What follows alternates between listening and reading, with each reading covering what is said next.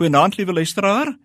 Ek wil graag voortgaan om die liefde van God te probeer omskryf en dit desnieteenstaande my menslike beperkings gebaseer dan op Johannes se verduideliking oor hoe lief Jesus die mense gehad het en dat hy wist dat sy uur gekom het om uit die kortstondige lewe te verkas aangebreek het en dat hy uit liefde dan die voete van sy disippels in nederigheid was. Hoe moet 'n mens hierdie Jesus liefde verstaan? Duidelik is dit nie beperk tot sy disippels nie. Net kort tevore voor die boefvertrek gebeure het Grieke sy aandag versoek. Hulle het ver gereis en baie gevare om ontbeer om by Jesus uit te kom. Skielik kry die missie van Jesus 'n nuwe radikale betekenis, die evangelion, die goeie nuus, die boodskap van verlossing, Die goddelike ingryping in die geskiedenis van die uitgebreide mensdom reik nou oor grense heen. God se bevrydende geregtigheid gaan waawyd oop vir die hele wêreld, soos Johannes 3 vers 16 dit uitbasyn. Dit is dan ook hier waar Jesus vir die eerste keer dit bekend maak dat die uur van die verheerliking van die seun van die mens aangebreek het.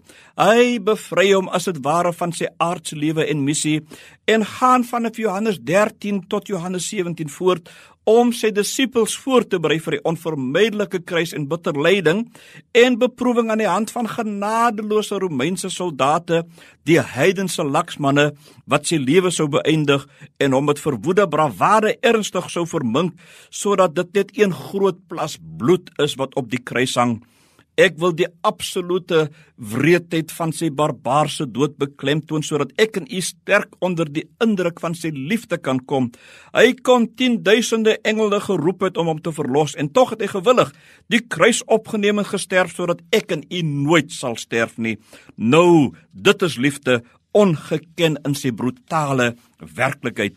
Die vraag is, is dit 'n eksklusiewe liefde of is dit 'n inklusiewe liefde?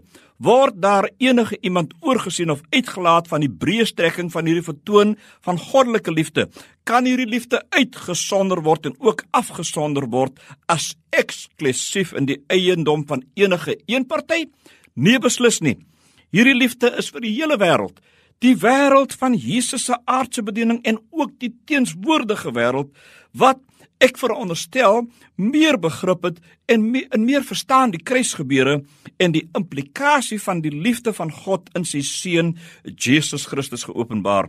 Daardie liefde is ook vanaand vir u en my beskikbaar. Koester dit en maak dit u eie en leef daarvolgens in 'n verbond van ewige liefde teenoor God en ook teenoor u medemens. Amen.